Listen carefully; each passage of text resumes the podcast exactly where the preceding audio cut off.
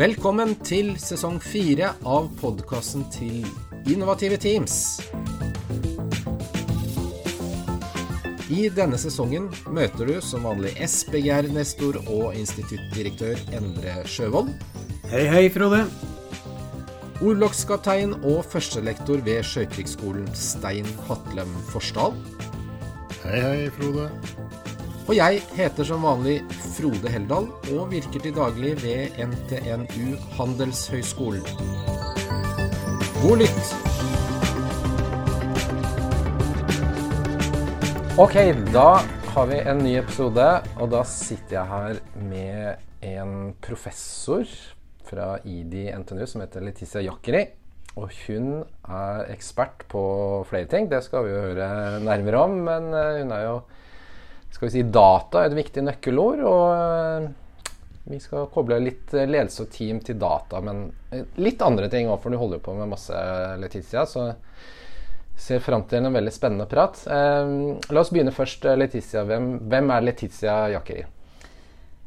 Jeg er en kvinne som ble født i Italia for 50 pluss år siden og har en master i informatikk en doktorgrad i software engineering, altså systemutvikling på godt norsk. Og som nå har vært 25 år på NTNU og jobbet først som førsteamanuensis og deretter som professor i datateknologi. Mm, ja. Kort og godt. Og du, eh, du, både snakker og forstår eh, norsk eh, godt, så det, vi tar praten på norsk. Selvfølgelig. Ja.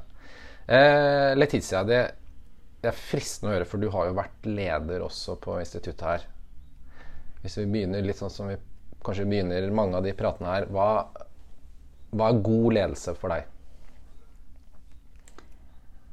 God ledelse er eh, å vite hvor man bør til.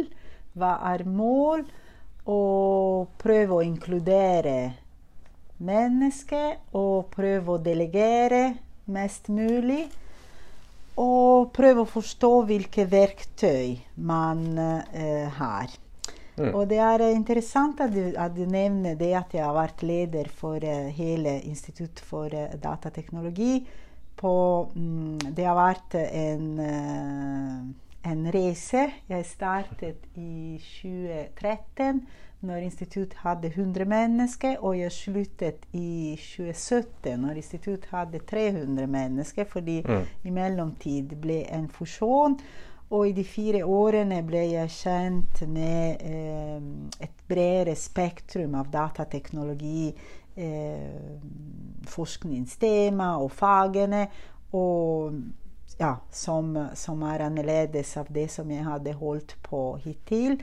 Og jeg fant ut at jeg liker veldig godt å bredde. Det er eh, Kanskje jeg er en utypisk forsker fordi jeg liker veldig godt uh, bredde. Både inn i data, men også uh, bredde i den befolkningen som vi mm. har på institutt.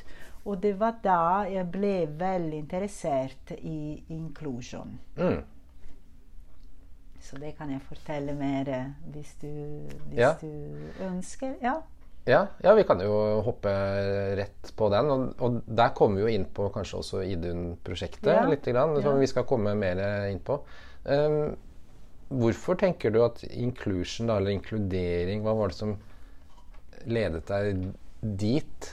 Um, Altså det, jeg hadde aldri tenkt, før jeg ble instituttleder Faktisk jeg hadde ikke tenkt så mye på det her at jeg var kvinne i mannsdominert mm. miljø. Og det er litt rart, fordi jeg har fått en av de siste eh, professorat i hele Europa som var øremerket kvinner. Ja. Fordi min egen professor eh, han var veldig opptatt av eh, likestilling. Og han eh, allerede i slutten av 80-tallet hadde forstått at datateknologiverden burde eh, bli mer eh, inklusiv. Og jeg var liksom et av hans uh, tiltak i hans uh, ja, plan. At vi skulle få eh, flere eh, damer til Institutt for datateknologi. Og når Norge lyste ut ti stilling som var øremerket kvinner, han og, og miljøet her på institutt klarte å få en av slike stillinger på NTNU. Og jeg ble professor 22, eh, i, i, 37 år gammel, for 20 år siden faktisk. Og jeg fikk en professorat som var øremerket kvinner, men jeg tenkte ikke så mye på det. Kanskje jeg hadde litt sånn impostorsyndrom. At jeg tenkte OK, jeg har fått en uh, ikke en sånn vanlig professorat, men nok om det. Når jeg ble instituttleder, fant jeg ut plutselig at jeg var eneste kvinne i ledergruppe på institutt. Ja. Alle, altså alle mine eh, gruppeledere under meg var menn. Og jeg var eneste kvinne i ledergruppe til min dekan, Geir Øyen. Altså alle, alle de andre instituttledere var norske menn. Mm. Og da på en måte det gikk liksom opp for meg. Jeg tenkte ok, men her skal vi lede instituttet som består av både nordmenn og utlending, både kvinner og menn. Hvordan kan en, en gruppe med norske menn som har gått på MTH sammen, være rustet til å, Ja. til å lede det her? Og jeg husker jeg hadde en, en eh, coach fra Deloitte som jeg gikk på sånn lederut, i lederutviklingsprogram, og han virkelig oppfordret meg og satset på det her. Og da søkte jeg først et lite eh, prosjekt på NTNU-nivå, sånn likestillingsmidler, og satte opp et sånn lite prosjekt. Og så ja, ballen eh, rullet, og så til slutt fikk vi Idun-prosjekt som fikk veldig mye støtte, og vi har eh, ja, prøvd å jobbe be bevisst med inkludering i, på fakultet, fra ph.d. Mm. til professor. Mm. Spennende. Og det, det er flere ting som er uh, spennende her. Uh, um, hvis vi begynner med teknologien, da, for å bruke det, eh, eller si teknologi, eh, og inclusion, eller diversity, eller inkludering, eller, eller mangfold på norsk, Eh, blir teknologien bedre av at man har eh, mangfold i de som utvikler teknologien? Det er eh, vår hypotese Ja, ja. at eh, hvis uh, man skal utvikle uh, teknologi for alle, da bør alle være representert i den gruppen som lager teknologi. Og her har vi mange eksempler. F.eks. den uh, airbag som har vært utviklet med, med test eh, ja, med, med subjekter som er eh, høyere enn en, en eh, kvinner. Og du har eh, eh, AI, kunstig intelligens, teknologi, som ikke kjenner igjen kvinner, og ikke Ja. kjenner igjen svarte, fordi algoritmer har vært testet og har vært eh, Ja. laget på datasett. som er, hvite er, eldre menn. på hvite menn. Ja. Og jeg har selv opplevd Det har vært veldig artig. Vi var på eh, ekskursjon i Kina sammen med våre studenter. Og da går vi inn, og der er det ingen sperre. liksom Alt blir, blir eh, til data.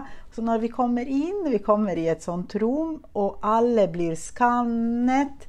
Og da blir din alder gjettet. Og, og de gjettet at jeg var 47 år. Men jeg var kanskje 43-44 eller kanskje mer. Og da ble jeg liksom Ha-ha, jeg ser ung ut.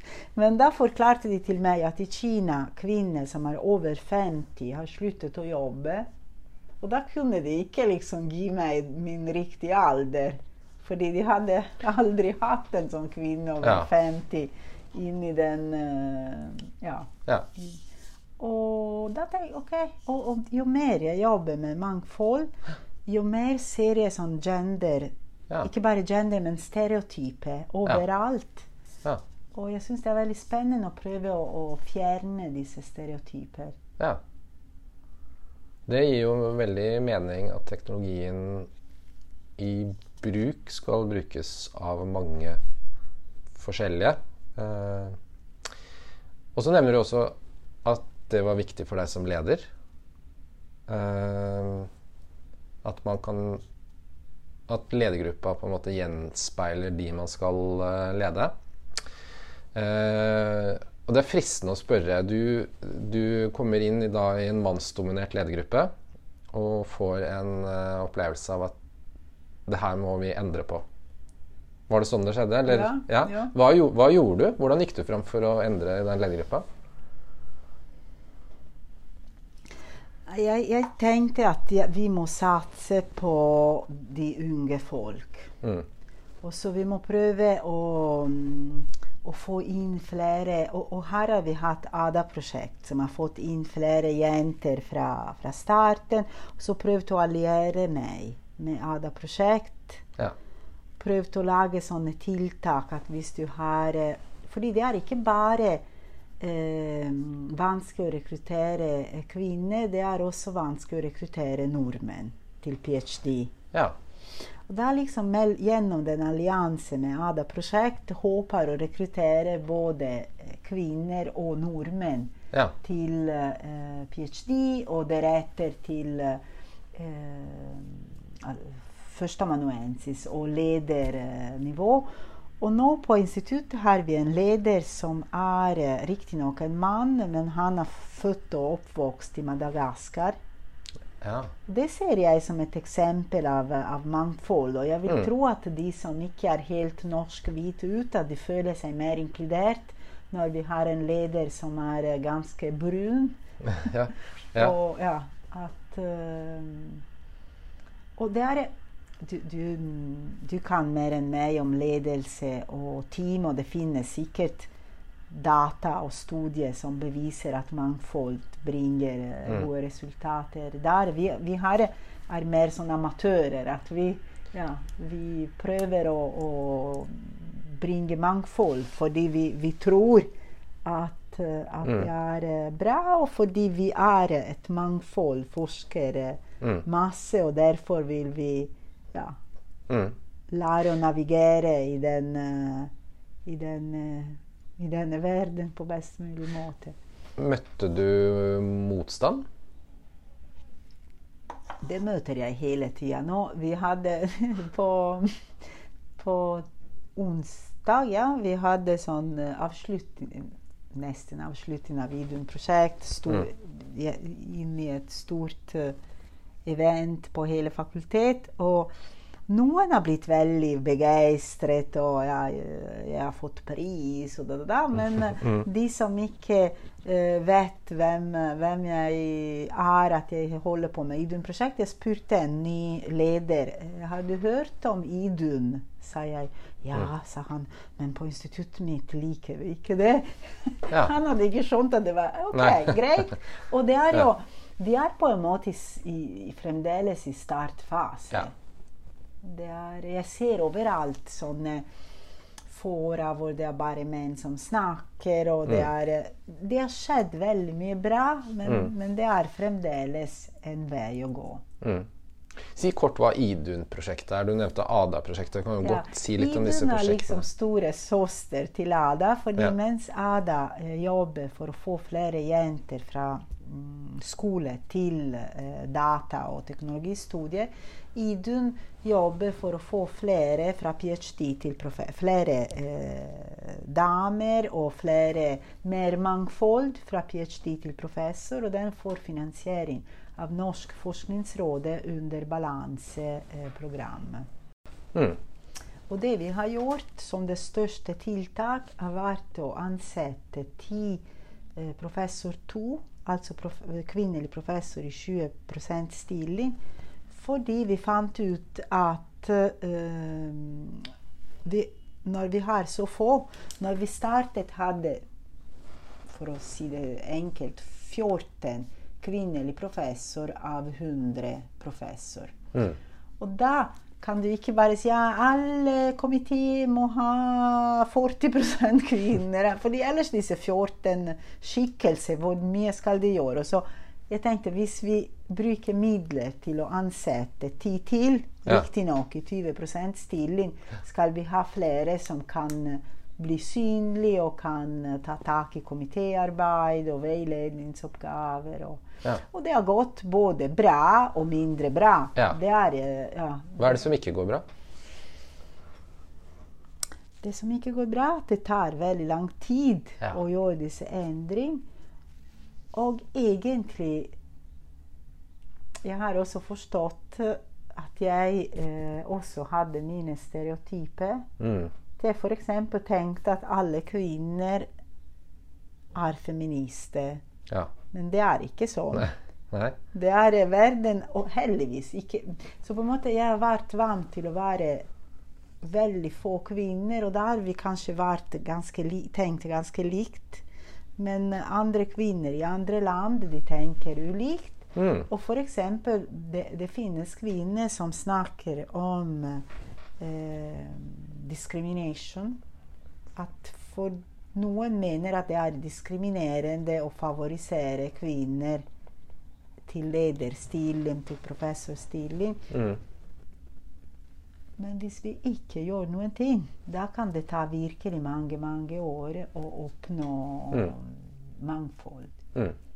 Og du, du nevner jo eh, Du beskriver jo et mannsdominert miljø. Eh, skal vi si både i teknologiutvikling, eh, er det fristende å si da, som, som eh, kvinnelig ingeniør eh, og professor, og i ledelsen. Og så sier du noe spennende, dette med å, å på en måte viske ut stereotypier. Eh, har du noen flere tips til hvordan man kan gjøre det? Altså, det ene tingen er å sette sammen eh, skal vi si, instituttet ditt med litt flere damer. Men så sier du også at allikevel så må man jo gjøre noe mer.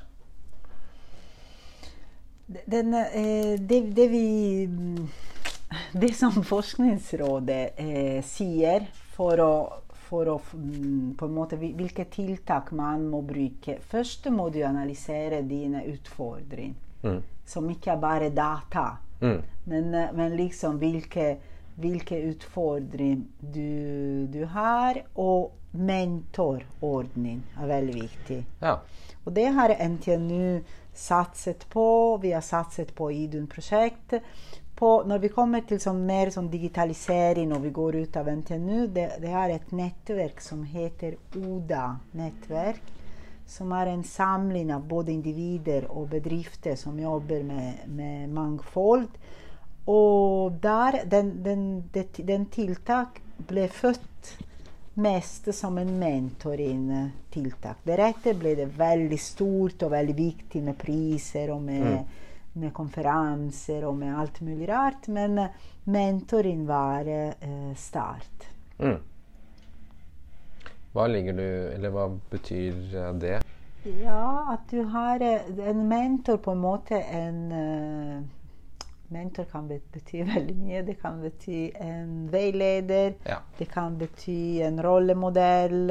Det kan bety noen som hører på deg. Ja. At på en måte du ikke er alene, og at du er med i et sånt eh, I et eh, Og jeg, jeg har vært um, intervjuet veldig mange ganger nå av uh, NTNU har et sånt mentorprogram, og de som Mm. går i det mentorprogrammet, intervjuer uh, ja, andre som har blitt professor før deg. Og det er også litt sånn farlig å si at nå plutselig du er en mentor, for da blir jeg så redd hvis jeg Ja. gjør en feil og tenker Ja. oh my god, hva skal de nå, de som ser opp til meg. Ja, ja. Eh. Men eh, ja, vi må bare si ok, selv om jeg er mentor, er jeg et menneske, og du trenger flere, flere mentorer. Fordi det, er det som jeg er god i, er jeg dårlig i noe Mm. annet.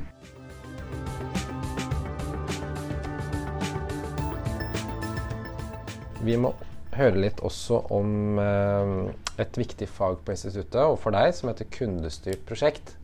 Og der setter dere jo sammen noe som er spennende for podkasten her. Eh, team. Ja. Team som skal jobbe sammen eh, i en live setting, kan vi si det sånn. Eh, og så nevner du jo også at eh, disse teamene har blitt Altså det er, de er mere, har mer mangfold enn før. Kan du si litt grann, Hvordan jobber dere med disse teamene for at de skal eh, klare å levere et godt produkt når de er satt sammen av ja, mann, kvinne er jo den mest banale, men også fra forskjellige land. Rett og slett mye, mye mangfold i disse timene. Eh, ja, altså Mine studenter går eh, datateknologi, som er eh, et studium som er veldig, veldig eh, vanskelig å komme inn.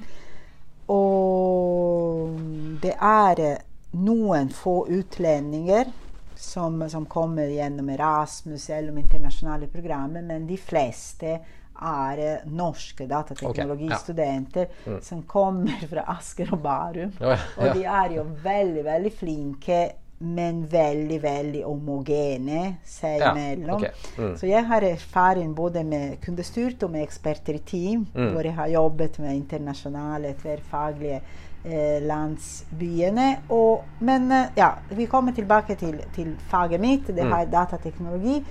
Det er eh, kundestyrt prosjekt. Vi har kundene som kommer fra eh, norske eh, både bedrifter og offentlig sektor, kommune og NGO og sånn.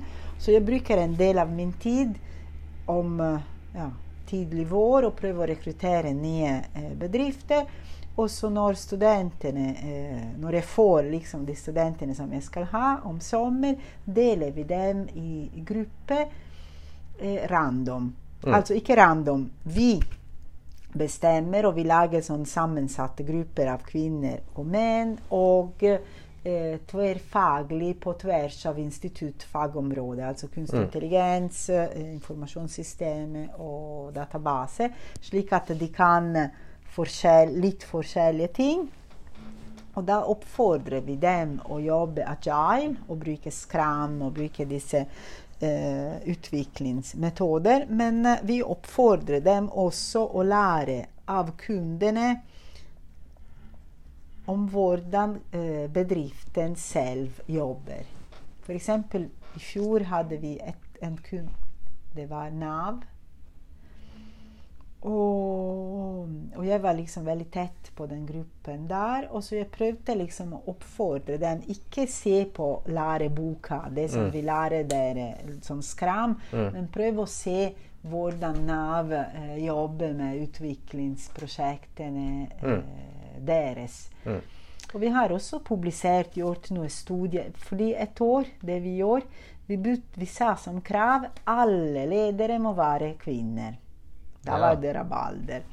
Det var ikke alle som var fornøyd, men vi, vi, gjorde det. Og så da skrev vi et paper. Vi samlet inn data, intervjuer og sånn. Og, og, så det som eh, det, den tiltak gjorde med, med gruppene.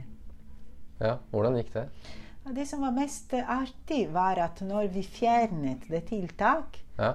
Fremdeles har vi 50 kvinnelige ledere. Ja. Altså, de var ikke fornøyd med det at lederen måtte være kvinne. Og da måtte vi liksom gå tilbake. Og, ja. Ja. Men at det ble en endring som skapte en sånn varig ja. endring i, i, faget. At man så at det var nyttig eh, med en kvinnelig leder? Ja. Og at kanskje på en måte vi visste at det var mulig, og at det var, eh, at det var ja. Men det som er farlig noen ganger for oss eh, fordi igjen, når jeg var ferdig som instituttleder, da ble jeg igjen professor og ja, mm. forsker. Og på en måte forskningsleder. fordi jeg har min Det som er mm, vanskeligere å finne vår rolle som kvinner i leder, det ser ja. jeg også mine eh, studenter, at noen ganger når de leder en gruppe, de går i en sånn servicerolle. Ja. Og, og, på en måte er bra, fordi en leder i Norge i 2022 kan ikke være en diktator, bør heller være en fasilitator. Ja.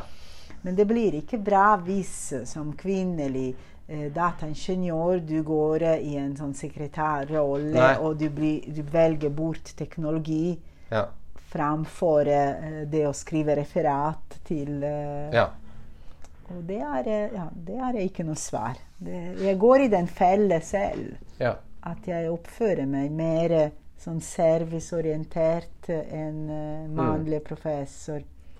Ja, for det, det, det er jo veldig interessant. Eh, også fordi, la oss si, bruke deg som et eksempel. Du er jo en høykompetent eh, medlem av teamet. Og hvis du bare skal tjene de andre, så får vi ikke tilgang til kompetansen din. Er det noe der? Ja, og det, og det er noe som jeg virkelig tenker veldig mye om. F.eks. For i forhold til publisering. Mm. Hvis jeg skal veilede Nå har jeg fire doktorstudenter og en postdok og mange masterstudenter. Jeg skal veilede alle dem. Mm. Hvis jeg går i min tripp og gjør mine egne ting, og Mm. skriver mine egne ting, da eh, blir det veldig mye for meg. Å å både være veileder og liksom fasilitator og være Men f.eks. akkurat nå jeg har en, liksom en, en, en bølge inni meg at jeg vil, jeg vil gjøre noe selv. At jeg på en måte Det er ikke nok å bare være sånn eh, fasilitator for mine, Mm. mine folk. Det, Mm. I don't know. Det er en reise. Ja, det, det er vanskelig.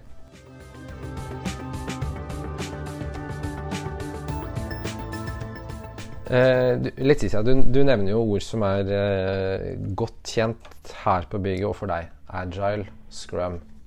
Si litt mer om det før vi går videre og etter hvert eh, runder av. Altså smidig Både smidig prosjektledelse har kanskje flere hørt om. og Agile og, og scrum kanskje. Men få høre. Hva, hva er det, og hvordan eh, Ja. ser det ut i praksis? Yes, altså mitt fag som heter software engineering handler om prosesser og verktøy for å produsere software som i, i nåtid heter for digitalisering, men i vår, i vår tid det het eh, ja, software engineering, software development. Mm. Og så før år 2000 man brukte en metode som het vannfallsmodell. Man eh, lager eh, prøver å forstå krav som kunden, har, lager en arkitektur, lager software, tester software. Og så det her tok det mange år, og så til slutt leverer du et produkt som kanskje ikke er det som kunden ville ha.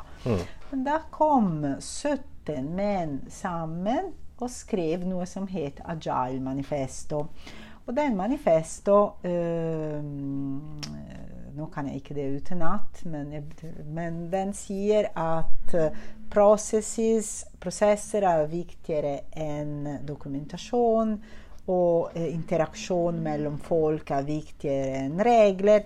Og at på en måte som ordet smidig sier, at disse iterasjonene må være mye kortere og hyppigere. og at man skal, eh, skal møtes oftere og ha sånne stand-up-møter mellom kundene og mm, utviklere og, designere og slik.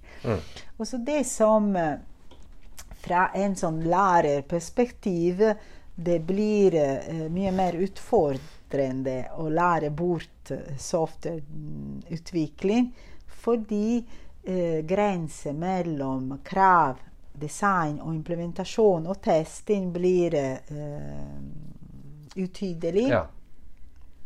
Og det er noe som jeg også har tenkt veldig mye om. Om det er riktig å bruke smidig i undervisningssammenheng. Ja. Ja. vi, fordi det, det blir litt sånn som Picasso. Han Ja. malte på sin måte, men han hadde malt vinkler, å male i den klassiske måte fra før. ja. Og, men, men på en måte nå det ville være så rart når du jobber med en kunde, sånn som vi gjør, og si nei, her jobber vi vannfallsmodell fordi Ja. vi vil at de skal lære å, å lage krav på en eh, Ja, ifølge man mm, læreboka. ja. Og mm, Ja, nei, det er eh, Det er eh, Og, og smidig blir det Så nå er det 20 år at smidig startet. Vi, vi, vi har jo smidig Mm. blant oss, men Ja. det er fremdeles en del utfordringer. Hvordan skal man skrive kontrakter? Ja. Hvordan skal man uh, Ja. ja. Hvordan skal man lede et smidig Yes, nettopp. ja. nettopp. og, og hvordan skal man lede et smidig prosjektteam?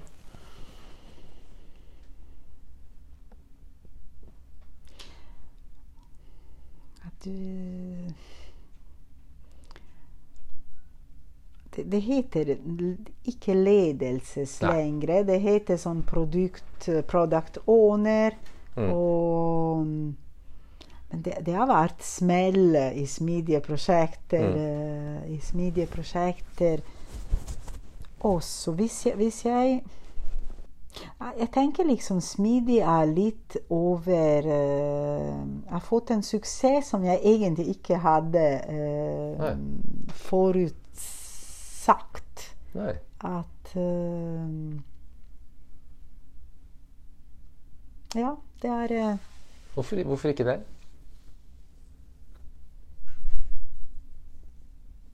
Fordi vi, i min generasjon vi var indoktrinerte. Det var så viktig med kravarbeid og arkitektur. Ja.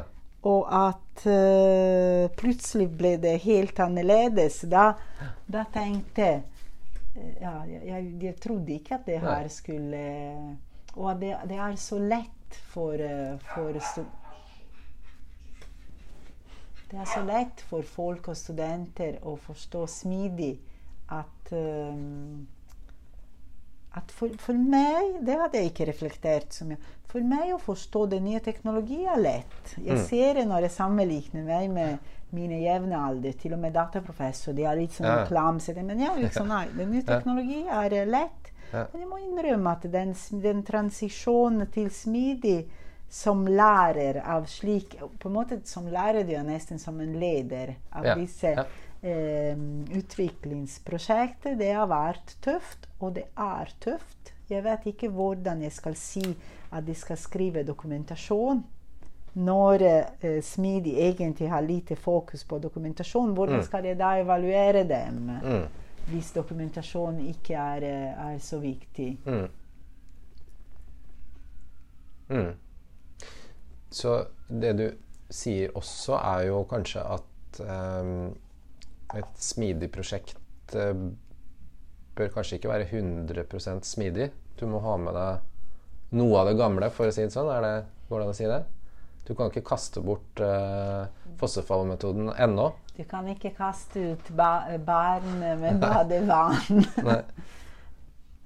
Ja, hvordan skal vi evaluere uh, studentene hvis, hvis, uh, ja, hvis hele dokumentasjonen er borte? Er det bare, skal vi bare evaluere hvor fornøyd kunden er? Skal vi Mm. evaluere bare produkt?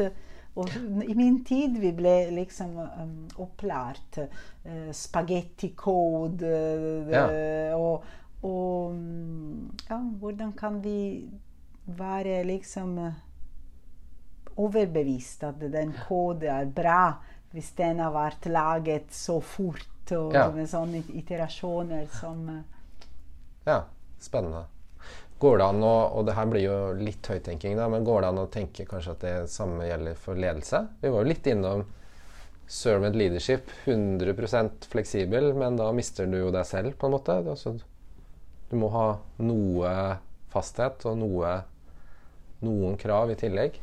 Også når det gjelder ledelse, jeg har tenkt for ikke så lenge siden at mm, Som du vet, jeg er italiener, og jeg kan latin fra, fra de gamle dager. Den, den første vi hører om, om ledelse, er 'divide et impera'. Divide and manage. Mm. Men det er noe som nå er det umulig. Nei, det er ikke lov. Nei. Det er uh, umulig og ikke ønskelig heller. Nei. Nå vil vi liksom blande og, og men, men noen form for uh, division and Mm. kontroll Ja. Må, må vi ha. Ja. Så det, det er jo litt det samme. Vi kan ikke kaste bort den Det er farlig å kalle det baby. Den type ledelse. Men du må ha noe balanse. Det er noe, kanskje det vi sier også i ledelsestenkinga, da. Så jeg personlig jeg blir mer og mer Grunnen at jeg ikke vil være leder, sånn formell leder Jeg blir mer og mer feminist og Ja. aktivist. og, Ja. og ja, mot det her uh, Ja. at eh, Men selv en radikal som meg forstår at man må ha kontroll på Ja. noe. ja. Skal vi levere et stykke software, vi må ha Mm. Men en annen ting som har skjedd i, i mitt uh, digitale liv, at i starten, når jeg var programmer... Det har jeg aldri fortalt til deg, Frode. Mitt første programmeringsprosjekt Jeg var del av et team i Italia som vi laget et av de første mailsystemene. Ja. Og da startet vi fra scratch. ja. Sant? Se, tj, tj, tj. Så laget moduler og sånn. Nå det er ingen som starter fra scratch. Nei. Alle disse prosjekter er, bygger en modul på to ja, Ja. inn i en sånn store Ja. kaos, ekosystemet. Ja. Og det blir også igjen veldig vanskelig for en lærer eller en leder å vurdere det Ja. den bestemt gruppe har gjort. ja. Fordi det er eh, Det tar med seg så mange moduler fra andre plasser og Ja, og mye handler om å forstå den, den, eh, det ekosystemet som Ja. du vil plage deg inn. Ja. Interessant. For det, det du sier, handler jo om også Kanskje du sier jo nå som lærer, men så kommer du til en leder. Skal vi, vi tørre å si at en leder må også kunne forstå teknologien? Ja, det tror jeg. Jeg Mhm. skal gi deg et eksempel. Jeg veiledet jeg, um, ja, veiledet flere masterstudenter i år, men den ene uh, jenta jobbet uh, for en kunde som er en NGO, i, en dame i Oslo, som lager app for barn i uh, utviklingsland. Mm. Veldig artig prosjekt, mye mangfold og da, da, da. Men det tok meg mange måneder å forstå at egentlig det den NGO ville hun, De ville ikke at min student skulle lage software. Mm. De ville at hun skulle bruke deres systemet for å lage noen apper. Men egentlig det var veldig lite. Det var ingen programmering. Det var Nei. noe som din datter på 15 år kunne ha gjort. Ja.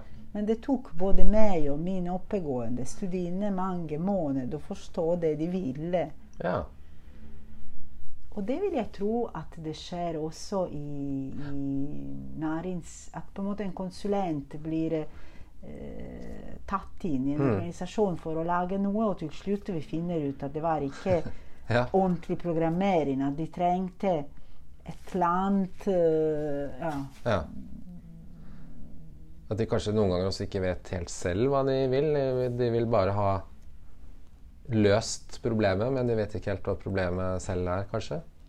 Ja, eller andre ganger. Jeg har en følelse at de vil ha uh, folk med og forstå og være med i det de holder Mm. Ja. på. Men at de, de trenger ikke Det er ikke som i min tid at du må dit og pop, pop, pop, programmere noe, noe helt nytt. Eh, Letizia, vi har jo snakka mye egentlig nå. Prøver å koble litt teknologi med ledelse, men uansett med et viktig nøkkelord mangfold. Eh, som jo også vi må koble inkludering på. Og det er noe du må jobbe med eh, aktivt. Og vi har vært innom noen sånne praktiske bruksområder. Da. Mye IT, men spennende å, å høre at du sier at teknologien også blir eh, bedre gjennom mangfold. At en teknologi er ikke, det er ikke en ting, men det er noe som ja, skal vi si har, eh, har både kjønn og rase og alt. Det blir litt vanskelig kanskje den metaforen, da. Men eh, vi skal begynne å runde av. Men det, det er et eh, litt stort spørsmål, kanskje, men eh, et spennende spørsmål med overskriften 'digitalisering'. Eh, og du er jo eh, en ekspert nå på å svare på et vanskelig spørsmål, så vi kan prate oss litt igjennom det. Men spørsmålet er som følger Er det noe du tenker som vi ikke kan eller bør digitalisere? Jeg tror at vi ikke kan digitalisere empati. Ja. Hvorfor ikke? Jeg håper at det er umulig å digitalisere empati. Ja. Derfor blir jeg veldig skeptisk når, det, når eh, man snakker f.eks. om eldreomsorg, om Ja. eh, at uh, du skal bruke robot til, til å holde folk selskap. Så, sånne ting. Jeg, håper at det er umulig, og at vi ikke går i den retningen der. Ja. Og, mm, og empati, alt som har med liv, the life, ja. og kjærlighet og å forstå andre mennesker, det er Jeg håper virkelig at vi ikke kan bli erstattet.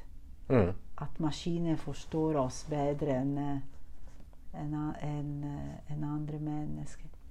Jeg husker allerede når jeg var masterstudent i forrige århundre. Det var et sånt system som het Lisa.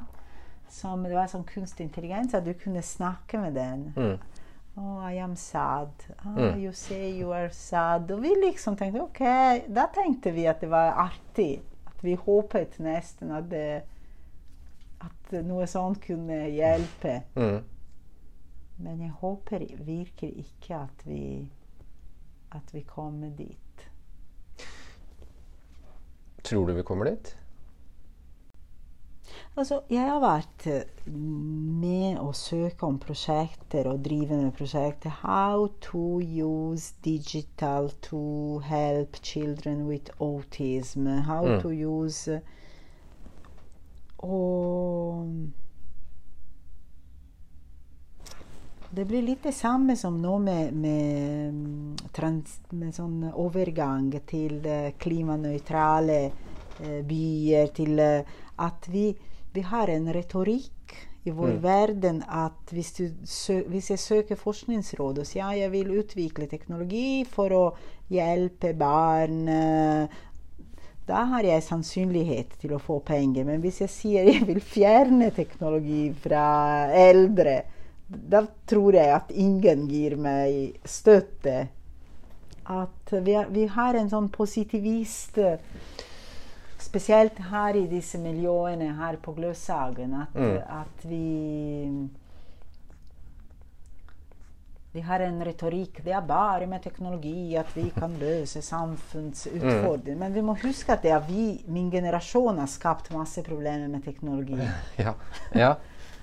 Og, og den, de, de, nye, de, de nye, og vi også nå, må være litt kritiske og si OK, hva er det som Ja. teknologi har uh,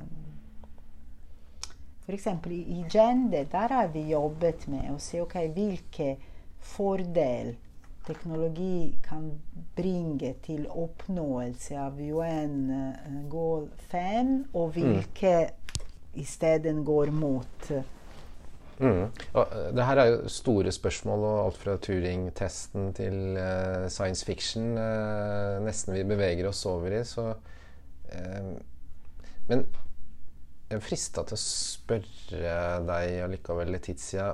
Eh, hvis jeg nå går ut av rommet og har prata med en, en robot, spiller det noen rolle?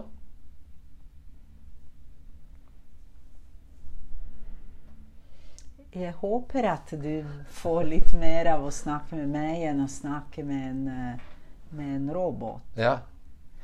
Litt, litt, litt tullete sagt, men eh, det er jo noen, noen eh, spørsmål som blir stilt i science fiction-litteraturen, blant annet. Isaac Asimov fortalte jo en sånn liten novelle om en liten gutt som hadde en robothund. Men han elsket hunden overalt på jord.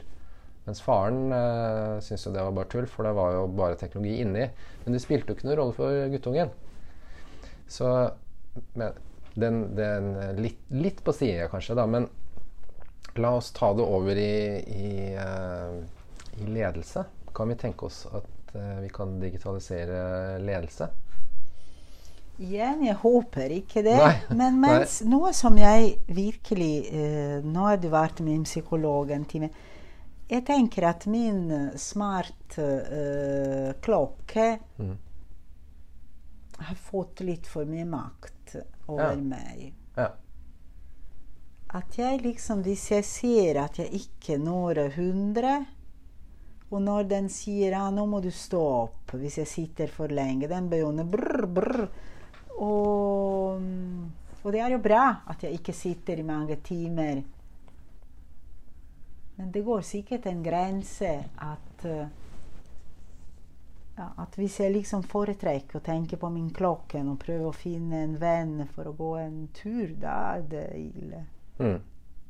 Mm. Ja. Og tenk det med sosiale medier. I starten jeg, jeg trodde ja, nå er det så bra med sosiale medier. Alle mine venner fra Italia er her. Ja. så. Ja. Men eh, til slutt ble det ganske Mm. Skummelt også med sosiale medier. Det er eh, Mm.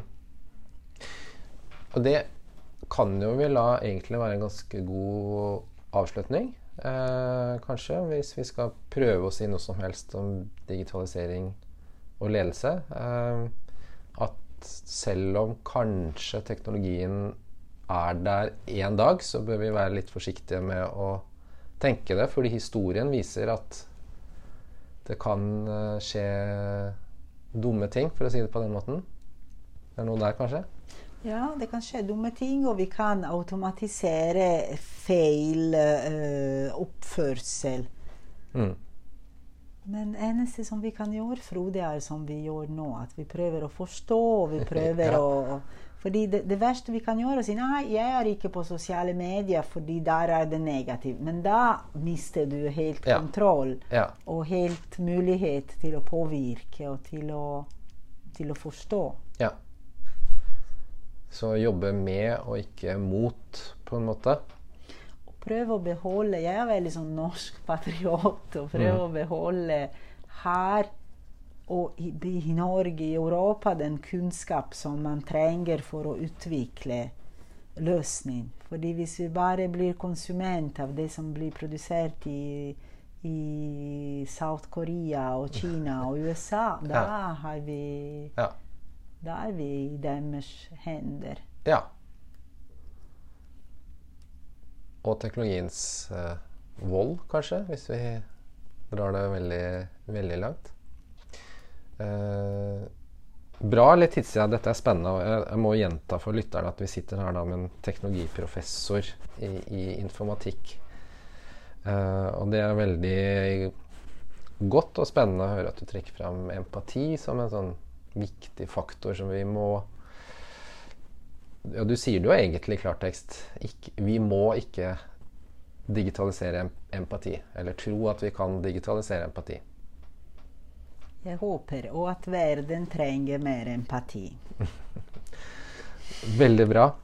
Um, da har vi vært igjennom en spennende prat, uh, Letizia. Ehm, mye godt igjen i det du snakker om uh, mangfold, inkludering, og nå til slutt skal vi runde av med å si empati, da. Ja. Ja, og det er ikke verst eh, i en prat som også handlet om teknologi og ledelse.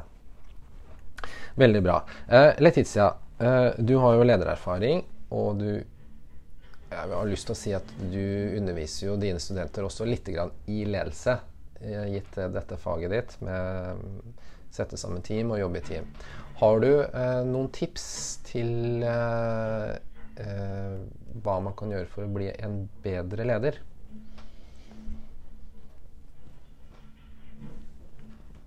Man må være en god person selv. Og prøve å satse litt på seg selv, slik Mm. at man eh, møter sine studenter og sine ansatte med en smil. Og, og spesielt som Jeg tenker en professor er en leder. Ja. Er en sånn eh, lederskikkelse i, i samfunnet. Vi bør prøve å gå rundt og være, være ja, Ja.